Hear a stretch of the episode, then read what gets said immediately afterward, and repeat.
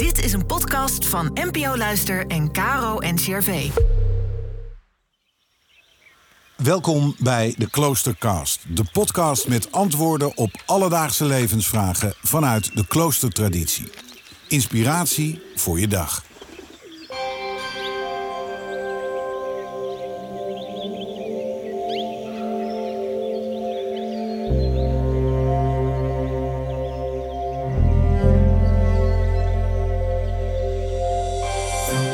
Hoe kun je bidden je leven lang volhouden?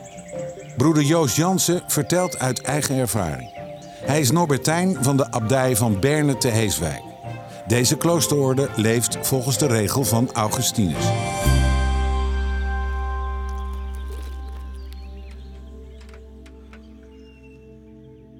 Bidden heb ik geleerd door mee te bidden met anderen. Het begon al vroeg thuis, het Onze Vader en het Wees goed aan tafel.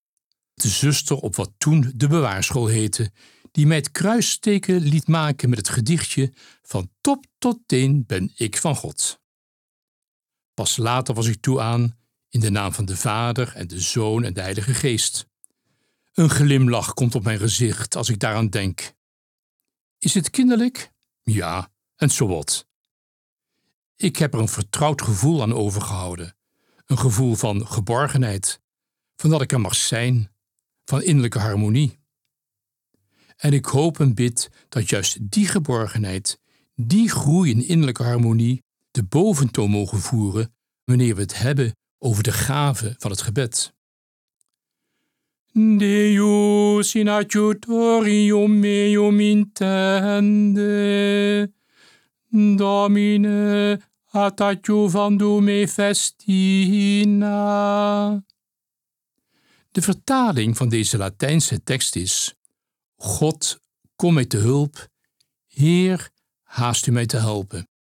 Het is niet alleen de opening van de Maria Vespers van Monteverdi.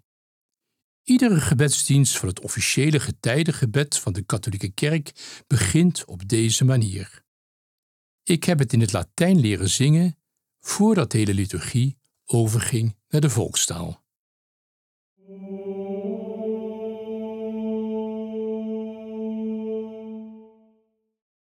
Wanneer ik stilsta bij mijn bidden, dan merk ik dat mijn bidden in de loop der jaren veel eenvoudiger is geworden.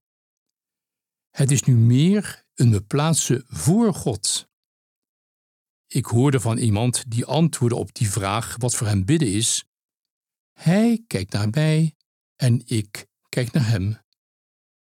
Uiting van een vertrouwvolle relatie. Durven tijd vrij te maken voor hem die van mij houdt. Wat zeg ik daar? Ja, ik zeg dat God van mij houdt.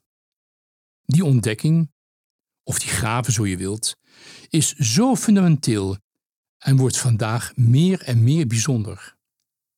Geregeld zijn er groepen studenten bij ons in de abdij te gast. Na een lang gesprek s'avonds met hen vroeg er een wat plechtig: Kunt u ons nog een quote meegeven? Ik liet even een stilte vallen en zei toen dat er van je gehouden wordt.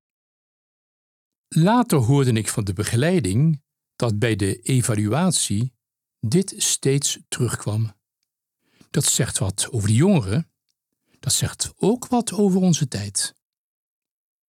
Bidden is voor mij antwoorden op dit houden van.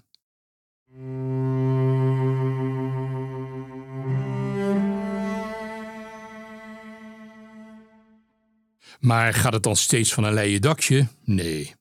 Ik heb ook tijden van droogte gehad. En nog. Ik heb ook vragen gehad of al mijn bidden wel iets zou uithalen. De wereld lijkt daar niet prettiger op te worden. Iemand schreef: God heeft ons gebed niet nodig. Wij hebben het gebed nodig om ons steeds eraan te herinneren dat God ons nodig heeft. Daar kan ik het dan mee doen. Zo'n uitspraak heeft mij gevormd en geeft me telkens weer richting. En de droge periode? Net als bij een relatie. Het is niet allemaal roze geur en maneschijn. Er is het trouw aan je partner. Er is het trouw aan het gemeenschappelijk gebed. Ik ben blij dat wij in onze abdijgemeenschap drie keer per dag samen bidden. Het zorgt ervoor dat mijn gebed gaande blijft. En ik zorg er dan ook voor dat de liturgie van de gemeenschap gevoed wordt. Dat gebed heeft meestal de structuur van het Onze Vader. Eerst danken en prijzen en dan vragen. Hoe fundamenteel is deze volgorde? Sommige mensen zijn met al hun gevraag een bodemloze put. Als je begint met danken, met eerst te vertellen wat je positief geraakt heeft, dan bouw je aan een positief innerlijk. Je groeit als dankbare mens.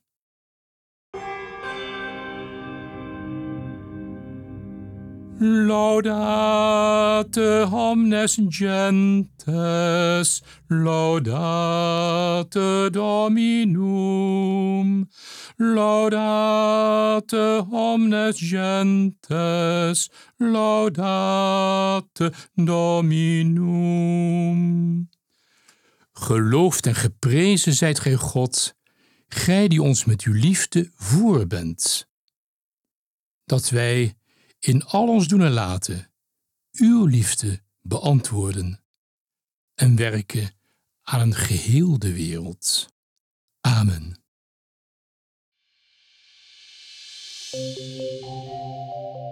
Morgen vertelt broeder Alberik hoe voorkom je bij verschil van mening conflicten.